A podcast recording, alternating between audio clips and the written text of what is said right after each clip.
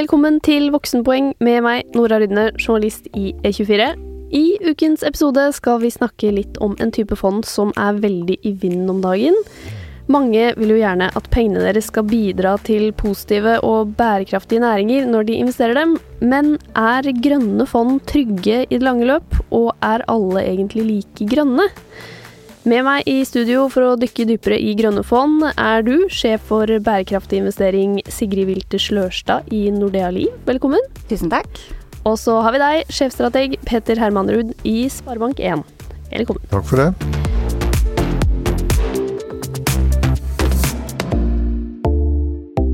Jeg tenkte at vi kunne begynne med et lite skille her, fordi det er jo mye snakk om grønne fond, men så er det også mye snakk om ESG. Hva er egentlig forskjellen på de to tingene? Skal jeg starte? Du kan starte. Ja, altså ESG er jo det man ofte omkaller som bærekraftige investeringer, for da ser man på både miljø, sosiale forhold og eierstyring, og på en måte gir en rangering på det, hvor godt bedrifter håndterer den type risiko. Grønne fond er jo fond som fokuserer mer på miljø og det å løse klimautfordringer og bidra til å begrense global oppvarming. Så de er mer spissa mot natur- og miljøløsninger, mens ESG er mer sånn samlebegrep for bærekraftsfaktorer som brukes i finansiell analyse. At da ser man på de tre overordna faktorene, og så er det selvfølgelig mange underelementer innenfor de tre man ser på. Mm.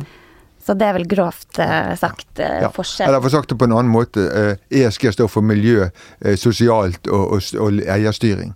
Ja. Og, og, og grønne fond går egentlig på den første av de, altså miljødelen mm. av det hele. Betyr sånn, sosiale ikke... typer barnearbeid, eller så unngå, ja. det, unngå slemme ting. Det, som governance, styring om, om, om uh, hovedeier eller sånn, tar pengene selv istedenfor å dele med alle aksjonærer. Sånn, men det, det er utenfor et grønt fond. Vi snakker jo om eh, at det er en boble, og hvor langt kan disse aksjene gå? Og grønne fond har jo det siste året gått veldig, veldig bra, stort sett. Mm. Mm. Eh, og jeg vet jo at du blant annet, Petter, har vært litt skremt og fått litt høydeskrekk av disse aksjene. Er det skummelt med grønne fond? Ja, det, det, det er skummelt med Alle aksjer er skumle. ja. Alt kan stige og alt kan falle. Men det, det er klart at man, man må vite at, at, over tid, i gjennomsnitt i lange perioder, så er det liksom vanskelig å tro at én gruppe aksjer skal være så veldig mye bedre enn en annen gruppe aksjer. Og selvfølgelig, Da er det alltid litt farlig når du ser at det har gått så kolossalt mye opp i det siste. Så er det fristende å hive seg på den karusellen, men det, det er altså sånn at innimellom er det Alle aksjegrupper vil innimellom også oppleve at de faller veldig mye. Jeg vil jo på en måte svare nei, det er ikke farlig hvis man investerer i en godt diversifisert portefølje og har mm. solide selskaper som også er bærekraftige og grønne. Mm. Eh, fordi det er jo som du sier at altså, ingen aksjer uten inntjening f.eks. kan mm. vokse i det uendelige uten at det skal få inntjening på et tidspunkt. Eh, da vil prisen falle. Eh, men det er forskjell på overprisa grønne aksjer og et grønt fond som mm. har en god diversifisering, og som har mange selskaper som har en god bærekraftsrangering også basert på andre faktorer enn f.eks. bare miljø. Eh, sånn at eh, jeg vil, jeg vil svare nei, eh, men med utgangspunkt i at du har en, en godt diversifisert portefølje. Ja, for det har vi jo snakket om litt ti, i tidligere episoder òg, at, at, store fond, kanskje spesielt i indeksinvestering, kan være smart eh, for å ikke tape veldig mye. Men er det da bedre å investere i grønne indeksfond enn aktive fond? Altså, Jeg opplever fortsatt at et grønt fond er veldig langt fra et indeksfond. Selv om du kan ha et, på en måte i prinsippet et grønt indeksfond, så vil det likevel være et spist. Altså Et grønt fond er et relativt spist fond. Sant? Selv om det er gradsforskjeller her, så er det et utvalg av aksjene på børsen du da sitter med. Og, og, det er forskjellig. Altså, Jeg tror fortsatt det er lurt å ha på en måte spredd sine investeringer på all slags aksjer. Og, ikke sånn. og særlig de spisse miljøfondene er farligere. Altså De går mer opp når det går bra, men de går mer ned når det går dårlig. Mm. Men jeg vil si at altså, Indeksforvaltning, da mister du jo litt av eh, element, eh, noen elementer ved bærekraftige investeringer. Eh, mm. Og du får også en risiko for at de aksjene som vokser seg veldig store i indeksen, de får du jo mer og mer av i i din eksponering, hvis du kun har det, da.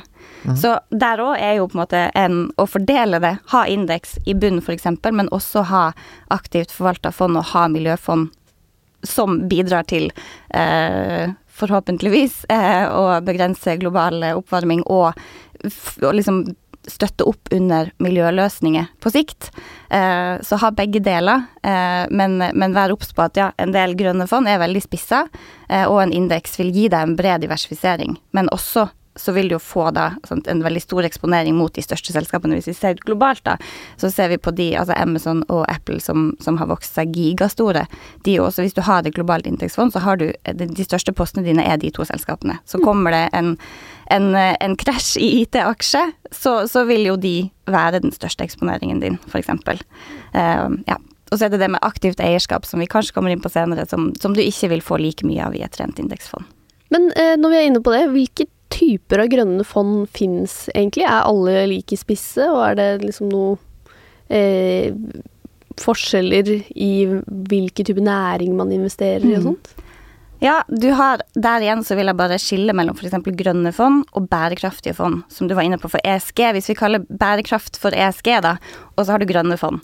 Og grønne fond kan være veldig spissa. Det kan være selskaper eh, som spesielt altså innen fornybar energi, sol, vind, nye tek ny teknologi som er risikabelt i en oppstartsfase. Så det kan være veldig spissa.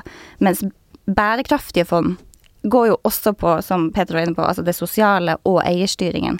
Så det er bredere enn kun miljø. Og der går det også mer på at man finner de som håndterer da bærekraftsrisiko på en god måte. At man plukker selskaper som utmerker seg. Kanskje de gjør forretningsmodellen sin mer bærekraftig, og at de ikke er i utgangspunktet et, bærekraftselskap, altså et, et fornybart selskap, men det er et selskap som gjør viktige grep for å gjøre hele forretningsmodellen mer bærekraftig. Så de liksom kutter utslipp, de eh, forbedrer på en måte forbruksmønster osv.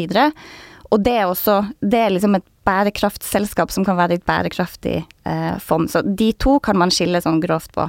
Grønt og bærekraft. Og så er det jo også selvfølgelig ulike metoder man bruker for, i både grønne og i, eh, i bærekraftige fond.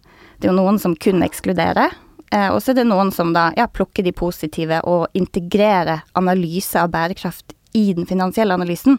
Så du gjør en finansiell analyse i tillegg til da parallelt en analyse av bærekraftsfaktorer.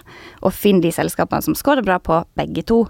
Ja. Eh, ja. Sånn så sånne ESG-fond, da kan du egentlig Da er det på en måte lettere å finne et indeksfond, for det er lettere å finne aksjer som passer inn der, enn rene grønne fond? Ja, det mm. vil jeg si. Ja. Ja, så det er jo Altså, du kan skille, hvis du skal skille veldig grovt, så kan du si at altså noen aksjer gjør jo aktivt noe for å gjøre verden grønnere. Ja. Der finnes altså noen få aksjer. sånn. Eh, for et år siden så var det seks-syv sånne aksjer på Oslo Børs liksom, som du kunne si at aktivt altså enten driver med resirkulering, eller, altså som hovedidé, eller at de produserer grønn energi, solenergi. Men, mens det er på den andre, så da er det veldig få aksjer som er der. På den andre siden så kan du si at det er bare de som ikke aktivt gjør noe veldig negativt for miljøet. Mm. Eh, og da på en måte så er det nesten alle aksjer passer inn. Du ser bort fra noe energi. Og så kan du ha noen mellomting som at at du skal ikke gjøre noe som helst negativt for miljøet på noen side. Du trenger ikke være positivt. Da har du en haug med IT-aksjer, f.eks., som er veldig mange sånne sustainable funds, som vi kaller eh, eh, er der at de, de har masse IT-aksjer, f.eks., for fordi de, de slipper, har ikke noe utslipp, f.eks. Men det er ikke noe sånn at de gjør noe aktivt for mm. å, å transformere verden til en mer grønn økonomi. Ja, for det er jo litt interessant det du sier der, at det er jo ganske mange av de grønne fondene som, eller sustainable fondene som har nettopp IT-aksjer, men er det så grønt, egentlig? Nei, det er bare det, det, det er ikke ikke-grønt. Altså, altså de, de, har ikke noen utslipp. Og, Nei, de og derfor må man mye... skille veldig mellom Derfor er det alle avskygninger her. Mm. Hvis du ser hva som har gått på børsen og sånne ting, altså de aksjene som har steget nå, det er jo først og fremst de aksjene som på en måte aktivt gjør noe for å gjøre verden til et grønnere sted. Mens, mens, mens veldig mange vil si allikevel at de foretrekker å investere i selskaper som ikke står for masse utslipp, og så liker de ikke de som står for utslipp. Men det er ikke alltid så lett. altså Apple er kanskje grunnen at de har ikke noe utslipp selv, men det er klart at noe må frakte disse telefonene ut omkring, rundt omkring i verden. Og de blir da, siden de bruker tung olje for å frakte dette, så blir det definert som veldig forurensende. Men det er jo egentlig en og samme sak. For der igjen er jo det skillet mellom altså grønne fond har nok ikke så mye IT-selskaper, men bærekraftige fond har det. Fordi mm. de scorer bra på ESG. Aha. Så man burde sjekke litt opp det, for, det er jo veldig mange begreper. Som du sier, Petter. Eh, sustainable, og så har du miljø, eh, green Jeg vet ikke hvor mange sånne buzzord du kan finne i børs. Veldig mange. ja. Mm. Og det òg er jo Altså, de rangeres jo litt forskjellig av ulike leverandører Mm. eh, på bærekraft også. Eh, og noen går jo lang, lenger ned i verdikjeden enn andre. Eh, og noen er relativt innen sin sektor, f.eks. Og da kan du jo finne selskap som har en kjempegod eh, bærekraftsrating eh, innen olje- og gassindustrien. Altså det er jo, selv om det i utgangspunktet er en sektor som kanskje ikke er så bærekraftig. Eh, sånn at man må også sjekke opp eh, liksom grunnlaget for vurderingen. Ja. Ja. Og altså, i prinsippet kan du ha Du kan også ha fond som eh, sant? Og noen har filosofi om å si at ja, men vi er ikke først og fremst opptatt av hvor grønn du er nå. Vi er opptatt av om du faktisk forbedrer deg. Altså Vi vil gjerne investere i selskaper som tar grep for å gjøre seg selv mer, som for å endre produksjonsprosessen eksempel, til mindre utslipp. Og at vi er mer opptatt av å støtte de, enn å støtte de som bare driver med noe som ikke krever utslipp. Altså, Er du et IT-selskap, er du Kahoot, så trenger du ikke å ha noe utslipp, men det betyr ikke at de gjør noe selv for, for å bli bedre. Sant? Og kanskje er det riktigere egentlig å tenke sånn at du skal bare Jeg vil gjerne investere i noen som faktisk endrer måten jeg driver business på. Det er et kjempeviktig poeng, og det syns jeg egentlig er det som er mest bærekraftig, er å finne de selskapene som omstiller forretningsmodellen sin i en mer bærekraftig retning. Og er med på å gjøre, selv om ikke det er et selskap som i utgangspunktet har en løsning og skal gjøre noe aktivt for å forbedre en eller annen miljø, et, en miljøutfordring eller et annet bærekraftsproblem, så er det et selskap som er genuint opptatt av å forbedre seg og gjøre noe med forretningsmodellen sin. Og der òg kommer jo aktivt eierskap inn som en viktig faktor. At hvis man som investor, eh, som eier andeler i et selskap, kan være med å bidra til det, så gjør man jo faktisk en reell forskjell. Eh, da får man jo til noe, eh, utover å f.eks. bare ekskludere. Da er det noen andre som kan plukke opp den aksjen, eksempel. Ja. Ikke sant. Men hvilke, dere var jo litt inne på det, sånne ratingsystemer. Hvilke, hvilke burde man se på? Og hvilke finnes egentlig? Du kan sikkert mer enn meg om det, men, men altså, det er jo en utall med ratingsystemer. Sant? Altså, eh, som altså, type sånn Sustainalytics er det noen som heter. Sant? Men det er jo utrolig mange forskjellige som på en måte gir en score på selskapene på hvor eh, bærekraftige de er, eller hvor gode de er på ESG og sånne ting. Eh, Det som er litt felles, er jo at det, det er ganske stor forskjell. Altså, tar du MSCI sin rating og Sustainalytics sin rating, så vil de være veldig forskjellige for veldig mange av selskapene. Så man har ikke kommet helt til en industristandard enda om hvordan man skal vurdere hvor bærekraftige selskapet er. Og det er jo Det er jo litt skummelt med grønne fond. Fordi man, man kan ikke stole blindt på én rating, fordi det er så mange forskjellige metoder. Eh, og det gir jo selvfølgelig en god indikasjon, eh, og det gir jo masse verdifull informasjon, men som du sier så er det veldig forskjellig. De kan ha veldig forskjellig konklusjon. Eh, og det er jo også hvordan man behandler data man ikke får tak i. For mange baserer seg på det data som er offisielt på selskapets hjemmeside, uten å kontakte selskapet sjøl, f.eks., som kan gi et feil vurderingsgrunnlag, eh, eller de tar informasjon de ikke finner som nullverdi, og at det trekker ned, f.eks. Altså det, det er mange ulike årsaker, men det er kommer jo eh, standard på det, og det kommer vi inn på litt senere eh, fra EU. Ja, for da skal, det man må gjøre da, er å gå inn og lese rett og slett om fondet, da. Om Mm. hvordan de tenker om investering, og hvilke selskaper de har i porteføljen. Ja. Så da, ja, jeg burde sjekke hvis jeg f.eks. tenker at ok, Amazon, de har ikke noe stort utslipp selv, men de bidrar jo til eh, Ja, de sender masse ting og bidrar til forbruk. Økt forbruk. Så da må jeg tenke selv at sånn, ok, har de mye Amazon, da vil jeg ikke ha det. Selv om de kan være høye på ESG eller grønt eller sustainability. I hvert fall sjekke, altså hvis man er opptatt av bærekraft, da, og sjekke en bærekraftsrating, så det kan det være altså Prøve å finne noe ut om hvordan de har kommet frem til det. Ja. Eh, og om det er noen kontroverser. Hvor Mye det ligger hen, f.eks. Ja. For det er jo eh, Det spørsmålet jeg ofte får, er jo at mange Fond er jo gjerne en langsiktig sparing, hvor folk sparer for barna sine, som ofte er opptatt av at de skal ha eh, grønne fond. Som f.eks. vår eh, børskommentator Sindre Heyerdahl har jo barn som er veldig opptatt av at fondet deres ikke skal koke kloden. Mm. Eh, og så er jo tidsperspektivet 20 år. Ville dere satt eh, alle sparepenga til barna deres i et grønt fond? Jeg ville ikke satt det i et kun i et grønt fond, men jeg ville satt det i et bærekraftig fond. Ok. Ja. For det går an. Det er liksom trygt nok. Altså, jeg ville sagt at hvis jeg skulle kjøpe en, en, en, en dåpsgave til et barn, eller en, altså, sant, en mindre, så ville jeg veldig gjerne kjøpt et både grønt og bærekraftig fond. Hvis det var snakk om arven til barna, så ville jeg ikke puttet det bare i verken, i det, verken det ene eller andre av det. Sant? Altså, da ville jeg tenkt at ja, men da er det viktig først altså, at du skal beholde kjøpekraften uansett hva som skjer, og da ville jeg prøvd å spre meg mer enn bare å sette i, i bærekraft også. Ok. Så du ville Hva ville du gjort?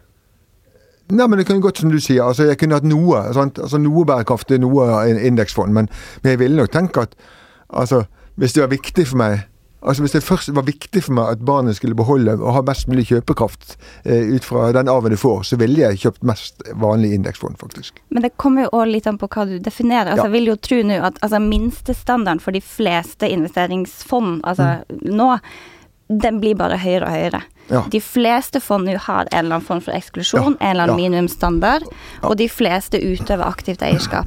Så det er liksom. Og den standarden tror jeg bare vil øke og øke. Ja, for jeg tror faktisk, altså Vi snakker om indeksfond, men, men jeg så på det. sant? Altså Jeg tror ikke det lenger er mulig å få kjøpt et helt rent indeksfond. Altså et helt re I Norge. sant? Et helt rent indeksfond betyr at de, de eier f.eks. 0,1% av alle selskaper i verden. Det ville vært et helt rent indeksfond. Det er bare de, agnostisk. sant? Du tenker ikke på du skal bare eie like mye av alt. Da har du spredd risikoen. Det er nesten det oljefondet gjør. Men det alle gjør nå, er å si at ja, men ja, vi skal stort sett følge den regelen der, men så driver du med klasevåpen, så har vi det ikke med, liksom. Og så har vi da noen, noen andre ting sånn som sier at det der skal ikke vi drive med uansett. sant? Gambling, det liker vi ikke. Det, det tar vi ut. Så, så de fleste indeksfondene har kommet der allerede at de ser bort fra noen. Og jeg går ut ifra at den endringen fortsetter, og at ser du om ti år, så er det færre, flere sånne typer selskaper som man ikke lenger eier, i, også i indeksfond. Ja. Og til og med oljefondet gjør jo ikke det. De Nei. har jo en egen Ja, eksklusjonsliste. Var- Der de også har fått inn miljøkrav. eh, Og de kasta ut selskaper, det var jo i fjor for første gang, basert på det kravet at de hadde de, ja, kort sagt for store miljøødeleggelser. Ja. Eh, og det er ganske nytt. Så den, ja, den minimumsstandarden Ja. kommer nok bare til å øke Ja. fremover. Oljefondet var vel litt, en- så vidt jeg oppfatter, en, en, litt en pioner i dette, med å begynne å ekskludere og si at ja, vi skal eie alt, men, vi, men der, er, der er grenser for hva vi tillater oss å eie her. Og, og det er liksom blitt etter hvert industristandarden, nesten. Det har det. Vi har jo vært inne på dette med å se hva de grønne fondene, og da, da tenker jeg liksom de spisse grønne fondene, har i porteføljen. Og så er det jo ofte sånn at mange av de grønne aksjene som er i grønne fond, er, som dere har sagt, litt startups. Altså selskaper som er store og har masse muskler, men de har ikke begynt å tjene penger ennå. Er det skummelt? Ja. Ja, for det er jo selvfølgelig en risiko og hvis man investerer i veldig spisse fond, og aller mer hvis du har enkeltaksjer, du sitter med mange sånne, så er det mange av disse selskapene som er store målt i markedsverdi på børsen, men som nesten ikke har ansatte, ikke har selger produkter, ikke har noen særlig aktivitet. Det er bare en tro på at i fremtiden skal vi få til noe. Og så er det klart at sånne selskaper er veldig avhengig av tilliten. Hvis, hvis bare folk er ikke villige til å kjøpe aksjene kjøper de på høye priser mer, så, så vil dette kunne kollapse som et korthus. For de har egentlig ikke noe, så det er ikke noe i bunnen at de tjener masse penger så du kan få utbytte og sånne ting. Så det er en veldig risiko, og, og, og enten det og, altså bør du ikke bare ha spissete grønne fond, og enda mindre på en måte at alt du eier av enkeltaksjer er, er, er spisse grønne aksjer. Eh, særlig tidlig fase som ikke har overskudd ennå. Og da mister du jo den diversifiseringen som er en måte, grunnverdien alltid når du investerer. Hvis du har mange sånne type selskaper, så har du samme type eksponering. Og så er det jo alltid de aksjene som har steget mest, som også får den største korreksjonen Ja. hvis det kommer en, en korreksjon. Eh, og den finansielle analysen må man jo heller ikke eh, på en måte overse når man skal investere i grønne eh, selskaper. Men det er mer risiko i helt sånn aktive og veldig spissa fond enn det er hvis man går for et større fond i, med f.eks. ESG eh, som hovedmål. Ja, altså, grovt sett så vil jeg si det. Og de grønne fondene vil jo selvfølgelig ha mange selskaper, de også, og sikkert litt mer variasjon. Eh, og i hvert fall hvis man ser på et globalt altså Oslo Børs er jo veldig liten og veldig spissa i seg sjøl, eh, med mye av den samme type risikoen eh, selv om det er ulike sektorer. Mens hvis man går globalt, så vil man jo få en bedre diversifisering bare der. Men altså selvfølgelig bærekraftige fond vil jo også kunne gi en mye bredere eksponering enn bare grønne. Altså jeg mener at altså, Helt grønne fond er åpenbart mer risiko. Det er også selvfølgelig mer potensial, men det er mye mer risiko. For det, selv om det går ut, tenker jeg, så er det litt det samme fenomenet. altså Istedenfor å mm. kjøpe uh, noe Nell eller noe sånt i Norge, så kjøper du, to, uh, kjøper du, Tesla, liksom. Men det er jo den samme. Det har gått fullstendig og skaffet mm. opp i kurs allerede. Ja. Mm. Og det gjelder vel alle spissefond, egentlig. At det er høyere ja. risiko, men også ja. høyere ja. sjanse for gevinst, da. Nettopp. Yes. Vi har jo en spalte her eh, som er deres kjepphester på grønne fond. Eh, Petter, du kan starte. Ja. Altså Min kjepphest er alltid at, at, det er lurt å spre risikoen. Eh, for å få mest mulig avkastning og minst mulig risiko. Og det gjelder også i forhold til grønne fond. slik at det ikke er lurt å ha alle pengene dine i bare grønne fond, men, men, men at man bør spre seg mer enn det. Men man skal gjerne ha også grønne fond.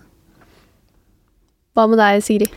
Det var veldig god kjepphest, så jeg vil si tenk på det først. Og så, når du skal spare, så er det en del uh, ulike begreper i dag som kanskje blandes litt. Og at det er forskjell på grønne fond og bærekraftige fond.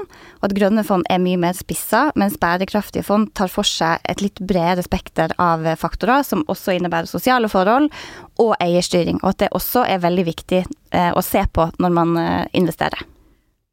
Så skal vi litt over til eh, Vi har jo vært inne på det også, men eh, det snakkes mye om grønne investeringer. Og så har dere nevnt risikoen her, men hva er eh, potensialet egentlig? Og hvor stort er det? Jeg mener det. Jeg tror det er et veldig stort potensial når man ser på ja, Hvis man ser på Ta reguleringer først, da. og den ambisiøse planen til EU om å styre kapital inn i bærekraftige løsninger. Mm. Eh, så er det en, en stor omlegging eh, på gang, og veldig ambisiøse mål for å kutte utslipp. Eh, og vi har jo alle egentlig blitt enige om å nå Parisavtalen. Og for å nå det, så, så må de tiltakene til. Eh, og hvis det da kanaliseres mer kapital inn i eh, gode løsninger på det, så er det et veldig stort potensial for grønne eh, fond. Altså, at potensialet er stort, det har du jo sett når du har sett, hvis du har kjøpt noe sånn grønt for et år siden eller et halvt år siden, så har det vært helt fantastisk. Så, og potensialet altså Det er jo helt sikkert at fremtiden blir grønnere og at veldig mange av de selskapene vil få ha veldig høy vekst. Så potensialet er der, for det er veldig mye vekst. Og lykkes du da, altså selskaper som lykkes innenfor dette, vil kunne gjøre det fantastisk. Men samtidig er det også veldig mye risiko. Uh, man skal alltid, Jeg blir alltid litt forsiktig når jeg ser at noe har steget fryktelig mye på veldig kort tid. Samtidig. Det gjelder, jo, det gjelder jo alle. Det gjelder alt, absolutt alle altså investeringer. Man skal aldri ja. tro at noe vokser inn i himmelen.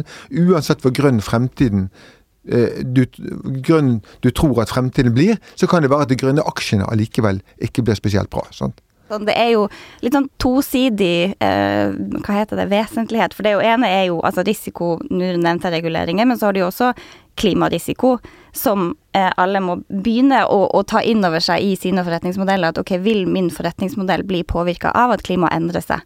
Eh, vil eh, det bli mer flom i det området jeg har fabrikker, f.eks. Et eksempel. Eh, det er en sånn fysisk risiko som alle bedrifter må begynne å ta inn over seg. Og i tillegg, med tanke på investeringer, så er det jo òg de, de, selskapene jeg investerer i, bidrar de til global oppvarming? Har de negativ effekt på bærekraftsfaktorer? Som kanskje bidrar til å øke risikoen for eh, klimaendringer. Mm. Eh, så det, det, er tosidig risiko eh, når man ser sånn utover eh, mm. det regelverket og omleggingen som kommer der. Ja. Hvis vi skal supplere litt på den risikoen, mm. så vil jeg si at de grønneste aksjene, der er risikoen rett og slett ikke at etterspørselen ikke stiger etter produktene, men at aksjekursen har kommet så høyt at, mm. at de må falle tilbake igjen. Ja. Når det gjelder de som ikke er så grønne, så er risikoen mer både, som du sier, at, at, at miljøet i seg selv kan gjøre det forretningsmodellen vanskeligere, men også veldig mye at tiltak fra politikerne kan straffe deg.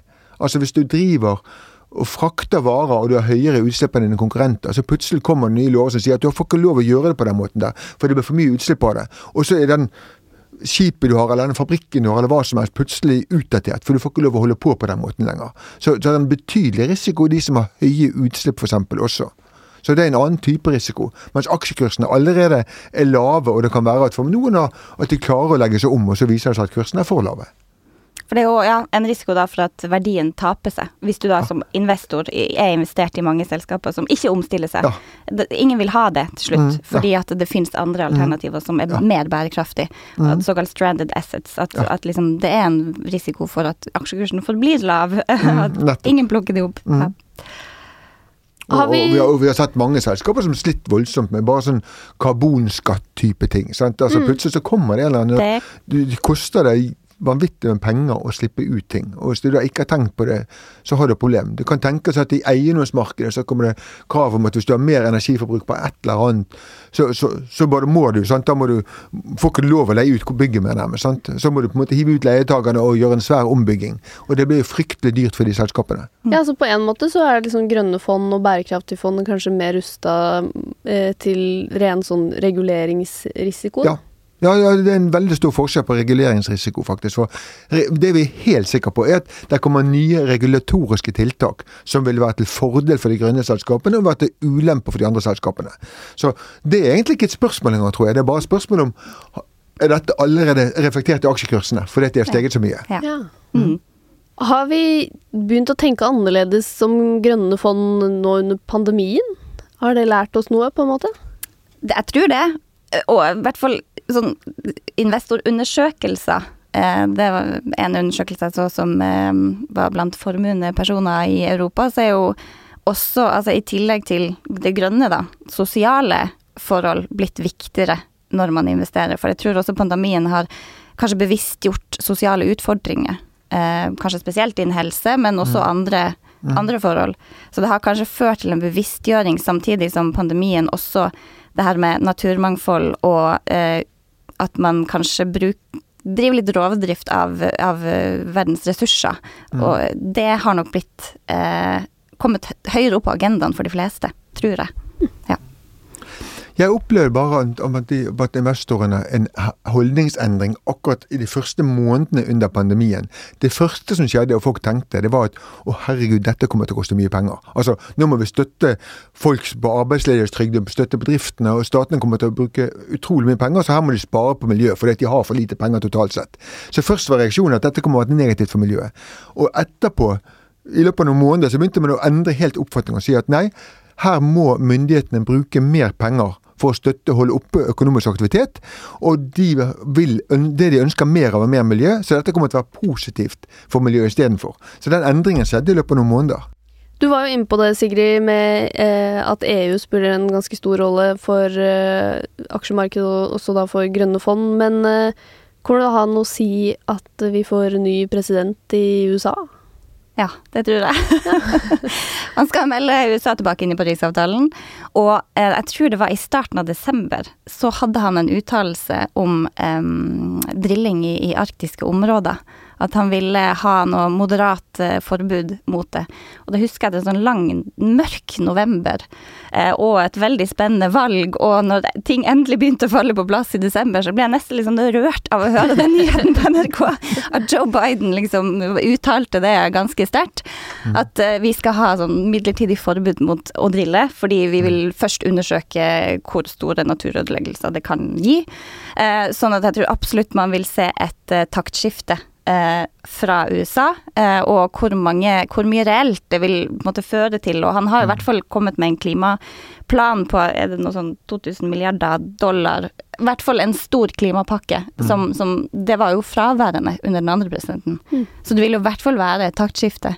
Eh, og så får vi håpe at det, det, det skjer reelle endringer også eh, Men det åpenbart ja, jeg tror jeg, at det kommer reelle endringer. Altså Biden vil både i forhold til klima og i forhold til alt mulig annet. Altså Donald Trump har jo stort sett bare egentlig la selskapene drive på. Det viktigste er at de, selskapene tjener penger og folk får lønn, liksom. Og så driter vi i miljøet. Det er kort fortalt omtrent det som var sagt. Eh, og, og der er ikke Joe Biden litt.